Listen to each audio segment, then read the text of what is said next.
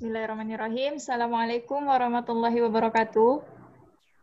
Waalaikumsalam warahmatullahi wabarakatuh. Alhamdulillahirrahmanirrahim. Allahumma salli ala Muhammad wa ala ali Muhammad. Yay, kembali lagi di podcastnya Odet Serbing. Ngobar ya ngobrol berfaedah bareng pengurus Odet Serbing. Alhamdulillah kita kali ini uh, ingin melanjutkan mengenai pembahasan tahsin dan yang akan kita bahas kali ini adalah mengenai alisan. Ya, makharijal huruf bagian alisan. Nah, alisan ini cukup banyak ya hurufnya. Eh, pembagiannya itu ada 10. Ada 10 bagian, cuman dia beda beda referensi beda-beda lagi ya, Kak. Mm. Uh, kalau, ya, jadi mungkin teman-teman ada yang uh, re, di referensinya itu ada yang 10, ada yang mungkin kurang dari 10 gitu. Oke, kalau gitu kita langsung aja ya. Nah, yang mau kita bahas, ini akan kita bagi jadi dua part ya teman-teman. Part pertama itu kita akan bahas bagian pangkal lidah, bagian tengah lidah, dengan langit-langit, dan bagian tepi lidah. Jadi, untuk yang pertama, pangkal lidah, mungkin dari Uktiani dipersilahkan. Oke, bismillahirrahmanirrahim. Jadi ini kita udah masuk ke pembahasan makhorizal huruf yang terakhir ya, alisan ya kan. Karena sebelum kita udah bahas al-jauf, al-had ya kan, asyafatain dan al-khayshum. Nah, sengaja alisan yang terakhir karena alisan memang paling banyak huruf-huruf yang keluar dari alisan. Oke, nah sekarang kita bahas dulu yang pangkal lidah atau e, bahasa Arabnya akosol lisan ya, pangkal lidah. Eh, pang ya pangkal lidah. Nah, jadi di pangkal lidah ini ada dua huruf yang keluar dari pangkal lidah yaitu huruf kof sama kaf. Nah, walaupun eh, sama-sama dari pangkal lidah, tapi posisi pastinya itu letak pastinya itu sedikit berbeda. Nah, kalau untuk kof sendiri, uh, pangkal lidah tem ditempelkan pada tenggorokan bagian dalam. Jadi dia lebih uh, paling ujung, uh, paling yang hampir dekat dengan tenggorokan itu huruf kof dulu. Nah, jadi dia paling pangkal lah letak dari huruf kof itu sendiri. Terus kalau kaf di agak depannya lagi pangkal lidah angkat naik sedikit. Jadi dia agak di depan dari kof gitu. Nah, untuk catatannya jangan sampai nih huruf kof sama kaf ini ketukar. Ya kan? Karena kalau misalnya tertukar dapat merubah makna. Paling sering nih di trikul ya kan. Kul huwallah yang lainnya gitu kan. Nah, karena kalau misalnya kita huruf kulnya kita bilang dengan huruf kaf dengan kul jadinya, maka bisa merubah makna. Kul sendiri kan kalau pakai kaf dia artinya katakanlah ya kan. Kalau kul pakai kaf artinya jadi makanlah kan berbahaya ya. Jadi jangan sampai kita salah e, mengucapkan hurufnya karena dua huruf ini berdekatan, mirip-mirip gitu. Itu jadi catatan pentingnya ya teman-teman. Nah, Terus huruf of itu sendiri kan huruf tebal ya kan. Kemarin di episode tasin sebelumnya kan udah dibahas juga kan sama Kak Hil. Nah, uh, beberapa huruf-huruf yang tebal. Nah, salah satunya adalah huruf kof. Nah, jadi nanti ketika kita mendengungkannya, maka harus ditebalkan. Dia bulat, dia kuat gitu lah. Kita contohkan nih. Ya, oh, TV Silahkan, Uh. Kecepatan nggak sih? Nggak kan ya? Enggak, enggak. Pas, pas Contohkan ya. Hmm. Pas ya. Soalnya tadi nggak ngelihat ini. Nah, kita contohkan ya. Bismillahirrahmanirrahim. Ini huruf kof dulu ya, teman-teman. Ingat tadi dia di uh, pangkal ya. Dekat tenggorokan. Hmm. Bismillahirrahmanirrahim. Qaqiqubaqo. Nah, jangan lupa huruf qaf itu adalah salah satu huruf qalqala. Jadi harus dipantulkan ya. Qaqiqubaqo.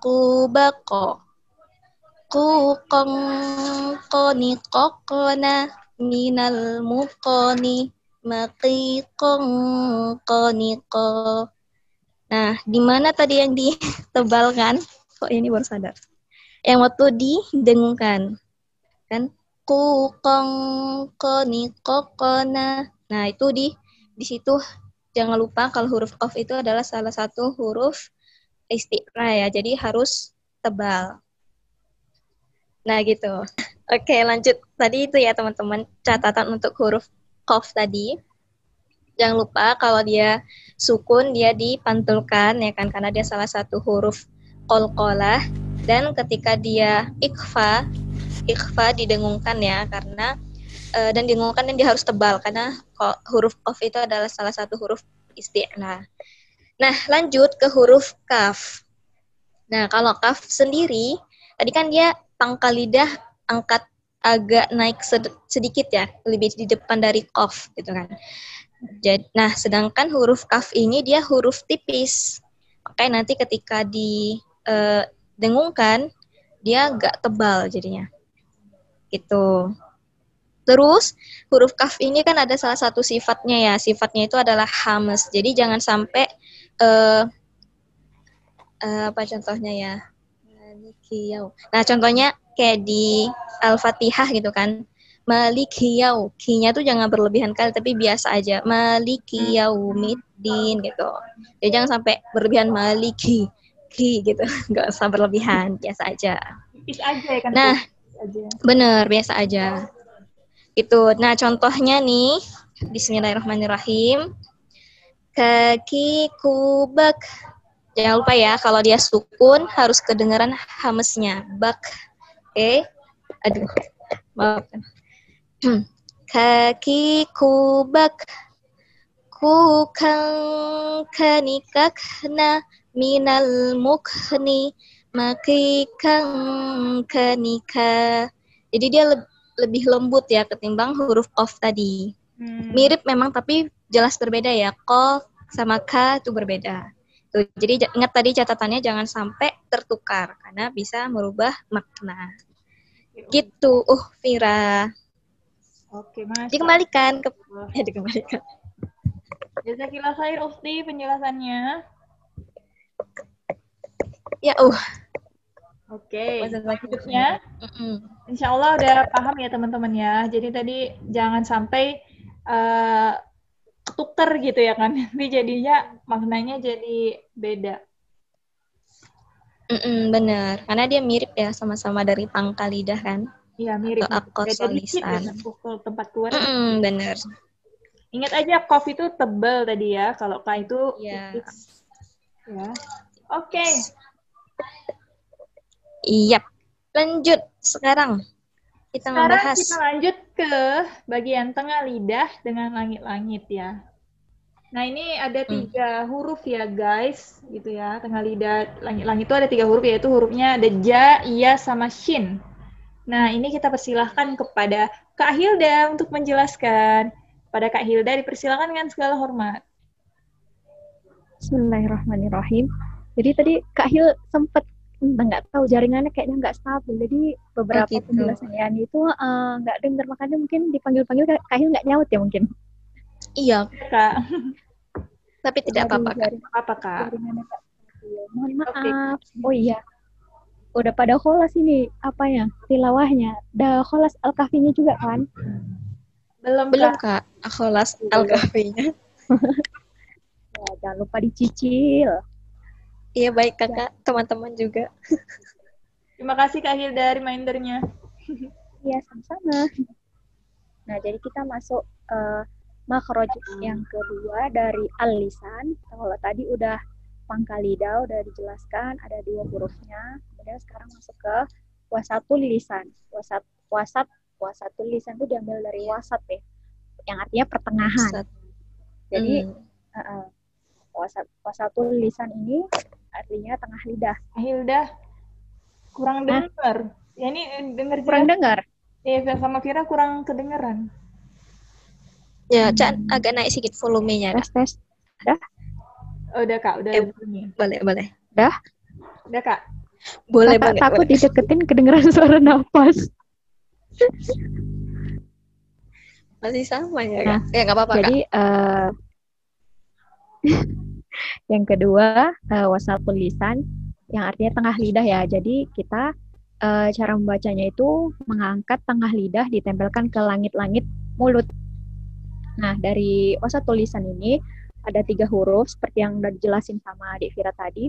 Ada huruf jim, ya, tapi di sini ya yang bukan mati ya, tapi ya yang berharokat, bukan yang I gitu, bukan bukan yang ya sukun bukan yang ya mati tapi yang berharokat lalu ada shin. Lagi nah eh, di sini mungkin yang paling kita susah bukan susah ya ya yang paling salah yang paling keliru dalam pengucapannya mungkin uh, adalah huruf jim gitu ya jim huruf ja. Nah jadi jimnya di sini itu bukan kayak huruf J orang Indonesia ya maksudnya yang ja gitu kan itu udah keluar suara keluar lagi nafas ya nah makanya kalau kita ngucapin huruf jim itu coba nanti ngaca. Kalau misalkan masih ada nafas di kaca itu berarti masih salah pengucapan huruf jimnya gitu. Nah cara membaca huruf jim sendiri kalau kita ucapkan memang jim ya itu memang salah gitu ya. E, caranya itu mengangkat dan menempelkan e, lidah di langit-langit mulut. Maka nafas dan suara tertahan karena makro makro huruf jim itu tertutup. Jadi tertutup. Jadi e, bisa nggak dibayangkan ya? Bisa bisa. Ja. Jadi bukan ja. Bukan ja gitu nggak boleh ada cih, cih gitu kan kak? Kayak nggak boleh ada suara ya nggak boleh ada uh, yang keluar gitu. Nggak boleh ada. Uh, nggak. Ojek ojek bukan gitu ya. Bukan ya. bukan kayak cinta Laura itu. Ojek becek. Nah, tahu juga kak hilpanya. Apa deh? Ya, ya. Tahu juga kak Hil rupanya. Udah hujan becek nggak ada ojek gitu loh kak. nah, itu. bukan gymnya yang dimaksud di sini bukan yang kayak gitu ya. Jadi mm. jangan yang sampai keluar nafas gitu. Karena tadi itu uh, mangkat dan menempelkan lidah di langit-langit mulut ya di langit-langit mulut. Jadi ya ya ya memang Kak Hil ini waktu belajar ini ada yang bilang kak jadi kayak ini kayak orang autis itulah ya bilang Astagfirullah bilang huruf j-nya gitu jadi kayak seolah-olah ngomong jim tapi nggak keluar huruf huruf J-nya gitu. Karena itu tadi kita udah terbiasa sama J di abjad Indonesia ya kan. Tapi kalau ja jim di huruf hijaiyah bukan yang kayak gitu gitu. Uh, tadi nafas dan suaranya tertahan karena makrojnya tertutup. Jadi jadi jubaj masih ada nggak itu ya? jadi yubaj yujajani jajana minal mujani majija janija agak susah memang ya. Kalau apalagi yang udah terbiasa bacanya itu ja gitu ya. Tapi itu tadi ya ala bisa kan karena biasa. Nah biasa harus di, harus di hmm. hmm, kahil kahil. Kahil kan nah Iya, uh, ini sih mau ngingetin juga kak. Enggak enggak kak, enggak mau uh. ini menambahin juga esok kali ya. Ya benar hmm. kata Kak Hilda kan, karena saat, uh, ini apa namanya? Kenapa jadi kayak ada nafas atau apa yang keluar dari mulut? Karena ini kak keseringan kita kalau misalnya bilang huruf jim itu uh, apa namanya? Yang ditempelkan itu ujung lidah ke langit-langit atas, bukan tengah lidah. Hmm. Jadi kalau misalnya kita malah ujung lidah yang kita tempelkan, ya. pasti bakalan ada ini. Pasti ada cek-ceknya itu ya kan, uh. Iya, benar. Gitu ya ajanya. Iya, ini keseringan sih kebanyakan. Makanya kan dia tengah lidah ya, ingat tengah lidah. Jadi bukan hmm. ujung lidah, tengah. tapi tengah lidah. Kalau tengah lidah yang kita tempelkan ke langit-langit, nggak nggak keluar ditanya. Nggak akan keluar ya kan? dia. Iya, benar. Jadi dia emang hmm. itu dia catatannya. Ya, terima kasih Dek Yani sudah menambahkan. Iya, Kak. Nah, kayaknya udah jelas ya, tadi tengah lidah yang ditempelkan di langit-langit mulut. Uh, biar suaranya itu, makrojnya itu tertutup dan nggak ada nafas yang mengalir. Lalu mm -hmm. uh, huruf yang kedua adalah huruf shin. Nah, masih di tengah lidah juga, uh, tapi ini uh, masih ada tersisa ruang, maka nafas dan suaranya bebas mengalir. Jadi uh, yang di uh, apa ketika mengucapkan shin itu lidah kita terangkat tapi nggak sampai menempel ke langit-langit. Sha itu coba uh, di dipraktekin sha pasti itu nggak nggak akan menempel. Sha, sha, sha. Iya, iya, kan nggak menempel. Uh, tidak menempel dan itu masih tersisa ruang makanya nafas dan suara itu bebas mengalir. Um. Ini kayaknya nggak susah kayaknya ya karena uh, Syah Indonesia juga kayak gini kan, maksudnya ejaannya gitu juga.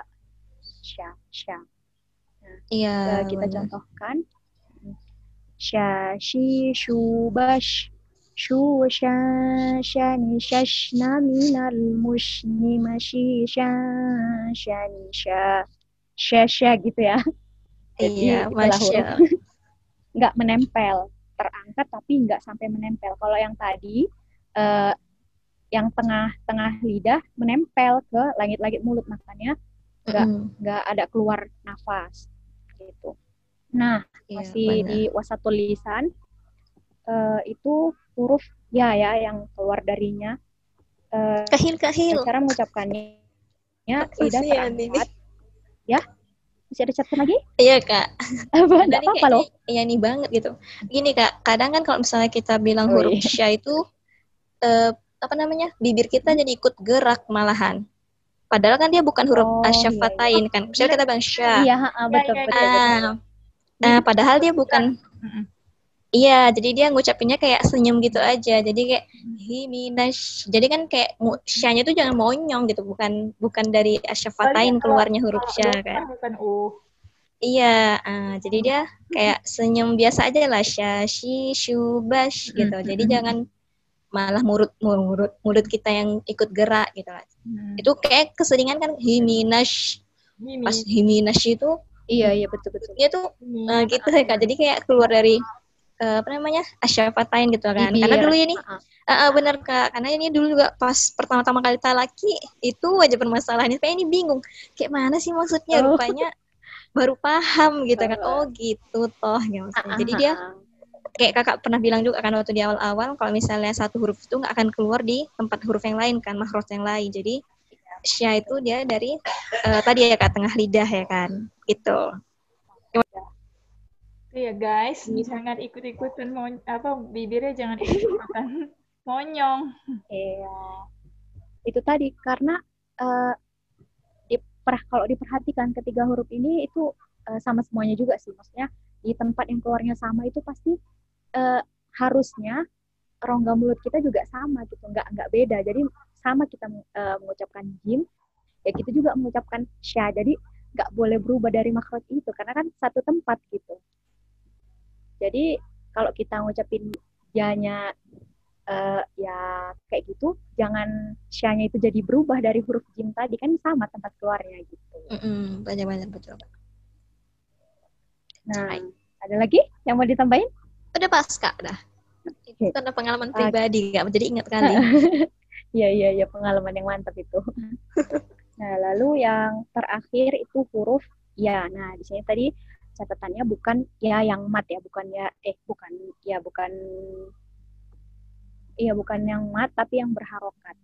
Jadi eh, cara membacanya itu eh, tengah lidah kita terangkat tapi lebih, lebih rendah daripada huruf shin tadi meskipun makhrajnya sama tapi eh, bunyinya tetap berbeda gitu ya. Ruang yang tersisa ini lebih banyak dibandingkan dengan sya tadi. Eh, di situ juga, tapi eh, ruang yang tersisa itu lebih banyak dari yang tadi. Kalau jim tadi menempel, kalau shin tadi agak ada sedikit ruang. Nah, kalau ya ini lebih banyak lagi ruangnya gitu. Jadi kalau tadi ja, sya, ya, ja, sya, ya gitu. Di situ juga, cuman ruangnya beda-beda gitu.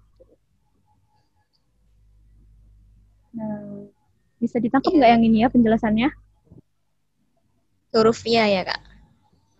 Ya, sya, ya. Di situ juga kalau kita perhatikan lidah kita pasti di situ juga kan, nggak bergerak. Ya, sya, ya. Cuman kita di ruang yang disisakan itu beda-beda. Kalau tadi jim tadi dia nempel, kalau sya ada ruang sedikit. Nah, kalau ya agak lebih banyak lagi ruang yang terbuka gitu. Nah, eh, kalau yang ini kita contohkan ya. Ya yi yu bai yu ya ya ni ya na minal muini ma ya ya ni ya. Nah, di situ ya eh, lebih lebar ruang yang terbuka. Nah, eh, kesalahan yang sering terjadi juga eh, itu pada eh, surah Al-Fatihah biasanya ketika membaca iya karena nah ada yang iya. Uh, apa ya kayak bacanya itu tertutup gitu. Eh, bukan tertutup terputus.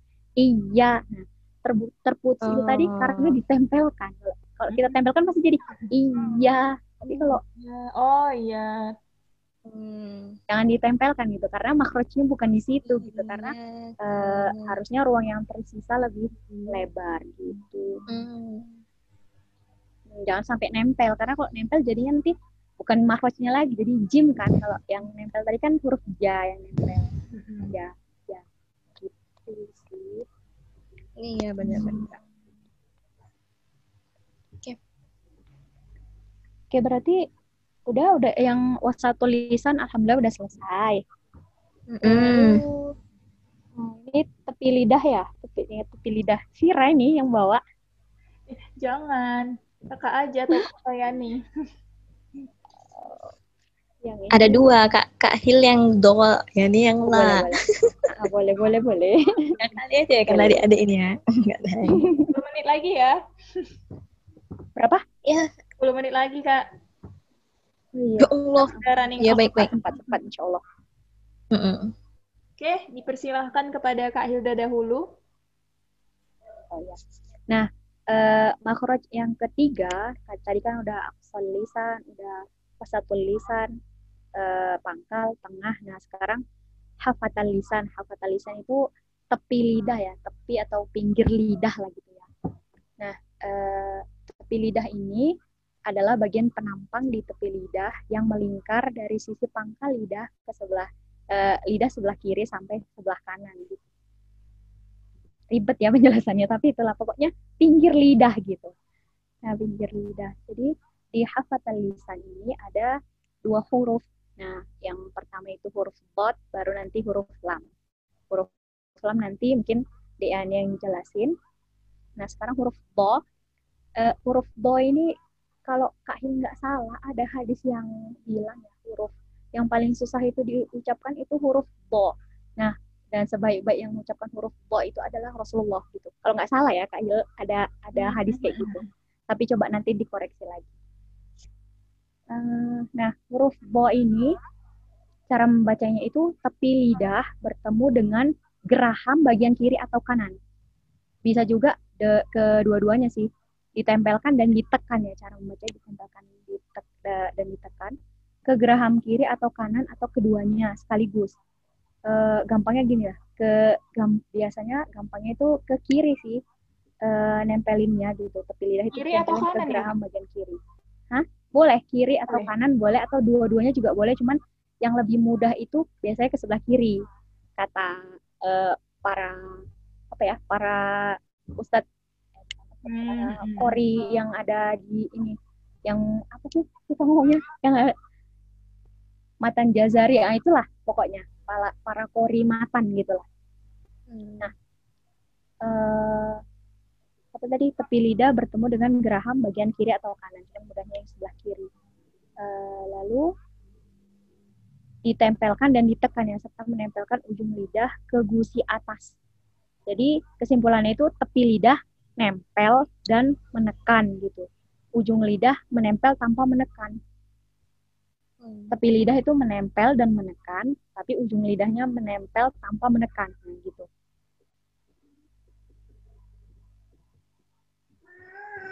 Ya, kemudian hmm,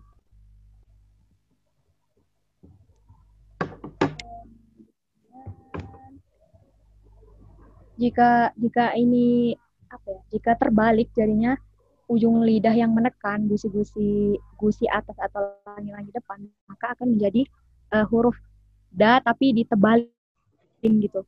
Do dolin karena yang yang kita gunakan bukan di bukan tepi lidah tapi ujung lidah. Bedain lah kalau kita ucapinnya bo bo sama satu lagi do. Nah itu kalau kita kita dal yang ditebalin itu ujungnya yang ketemu sama uh, gusi. Gusi atas. Bisa nggak ya dibayangin? Bisa bisa kak. Nah itu misalnya wadal wadal bodlin nah wadal bodlin jadi yang nempel ke ge, ke geraham ya, ke geraham kiri atau kanan itu uh, tepi lidah ya, bukan ujung. Kalau ujung nanti jadi huruf dal yang tebal. Nah, bolak-balik ini jadi penjelasan itu tadi biar gampang ngebayanginnya. Jangan ujung lidah, tapi tepi lidahnya. Lidahnya ya kan, Kak? Tepi lidahnya. Mm-mm, yang menekan yang menekannya itu tepi lidah bukan ujung. Ujung sama tepi bisa lah ya dibedain. Kalau ujung ya ujung gitu. Kalau tepi itu pinggirnya pinggiran lidah kan lidah ini eh. ada ujung. Kita gambar dulu ya, Kak. Ini Mana gambar lidahnya? Oh, Oke oke. yang ini Ah, ujung lidah ya. Kak? Bagian sini ujung lidah kan? Ah betul sekali. Kalau Ah. bagian sini, tuh tunggu ya. Ah itu namanya tepi. Namanya tepi. Nah, Mm-mm. ini, ini tepi. Ah benar sekali. Yang tadi Nah, itu tengah, jadi yang di guys. Ini tengah yang tadi sebelumnya. Heeh. Satu Jadi lagi, yang Pin. ditempelin dalam uh, makhraj Satu lagi. Salah nih. Oh. Pangkal lidah. Oh iya, pangkal itu yang deket tengan, deket tenggorokan lah ya. tenggorokan. Nah, ini pangkal. Ah, Ya, ya. cantik kali dan kalian ini ya. Panjang kali ngomong-ngomong lidahnya ya. Masya Allah. Ujung tadi ujung. Oke, Yo, Oke. gambarnya Ya, jadi dengan ah, dengan ga- dengan gambar kayak gini jadi lebih jelas ya. Jadi eh, dalam huruf bo ini pengucapannya itu tepinya, tepi lidahnya yang ditempelkan ke gusi atas gitu. Jadi bukan walad dot, juga bukan ujungnya walad dot. Hah? Walat. Gusinya digambar juga nih. fungsinya. Apanya? Gusinya. Udah lampir ah. Astagfirullah. Sekalian giginya, Neng. Udah, udah, udah. Giginya. Langit-langitnya. Realistis Udah, udah, udah. Udah tinggal tiga menit lagi loh. Oh iya, lanjut Kak. Udah sih, itu aja paling. Jadi Oh, kesalahan yang ter- sering terjadi di di kita itu kalau ngucapin huruf bo itu tadi bukan pakai tepi lidah, tapi kita seringnya pakai eh, ujung lidah makanya jadi kayak huruf seakan-akan terdengar seperti huruf dal yang ditebalkan. Jadi waladolina itu. Iya, benar. Jadi eh, sekian huruf hafatan lisan yang bo. Sekarang Udah dicontoh. eh, dis- Oh iya belum Iya, belum. belum contohin. Oh, iya, Eh, belum. Kak Hil ini. Oh iya iya iya. Lupa lupa. Ini huruf do juga kuat gitu ketebalannya, Kak. Sebenarnya Oh, ada iya, huruf iya. yang tebal gitu. Oke. Iya. Terangkat- terangkat lidah kita. Nah, Oh, tapi iya. yang perlu diingat juga huruf do bukan huruf kol-kolah ya. Jadi jangan dipantulkan. Oh iya benar tuh. Baut bukan Iya, Kak. bago.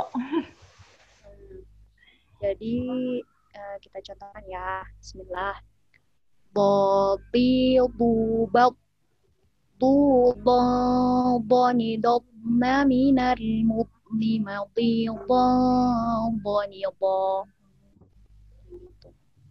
Masya Allah. Betul, betul. Mungkin sekian dari Kak Hil. Sekarang lanjut ke Diani. Nggak kakak set lagi ke Vira ya, langsung ke ya, ke Yani aja. Iya, Kak. Karena durasi-durasi. Oke, oke, oke. Canda. Lanjut. Oke. Ya, oke. Ya, baik, baik, baik. nah, tadi eh, salah satu huruf tepi lidah dari dijelaskan oleh Kak Hil. Sekarang kita jelaskan pasangannya. Oh, no. Ya, satu lagi maksudnya, huruf satu lagi yaitu huruf la atau lam ya, huruf lam. Jadi, eh, perbedaannya sih kan sama-sama tepi lidah nih. Berba- salah satu sumber yang ini baca juga. Kalau bedanya itu, kalau huruf do itu dia eh, ke tepi lid, apa namanya tepi lidah dengan apa nggak gigi geraham ya? Ya, atau bagian gigi yang dari pangkal ke tengah. Pangkal pangkal sampai tengah itu itu areanya si areanya areanya si do. Sedangkan kalau silam ya huruf lam ini dia dari tengah ke ujung lidah. Nah makanya kalau misalnya bilang kalau kita eh, apa lafazkan huruf lam insya Allah nggak terlalu sulit lah ya. Karena kan la la dia di dia tepi lidah kita yang dia ke arah bagian depan atau dari tengah sampai ujung lidah tidak sesulit do lah nggak sulit juga sih kalau dipelajari ya Gitu. Palingan itu sih tambahan dari Yani untuk huruf lam, Kak. Bener nggak sih, Kak, secara definisi? Bener sih, jadi makrojnya itu agak lebih sedikit di bawah lah gitu ya. Uh, bener. Betul. Gitu. Kita contohin lah ya. Eh, ada nggak? Eh, apa ya? Oh ya, mungkin tambahannya dari Kak Hil. Mm. Jadi kondisi lam ini ada dua keadaan. Ada yang Mm. bisa dibaca tebal dan ada dibaca tipis gitu. Mungkin ini nanti mulai yang dijelaskan juga ya. Cuma udah Kak Hil potong. Eh, enggak, enggak, enggak, enggak. Enggak bener, enggak ada, Kak. Kok udah kosong di Oh. sini.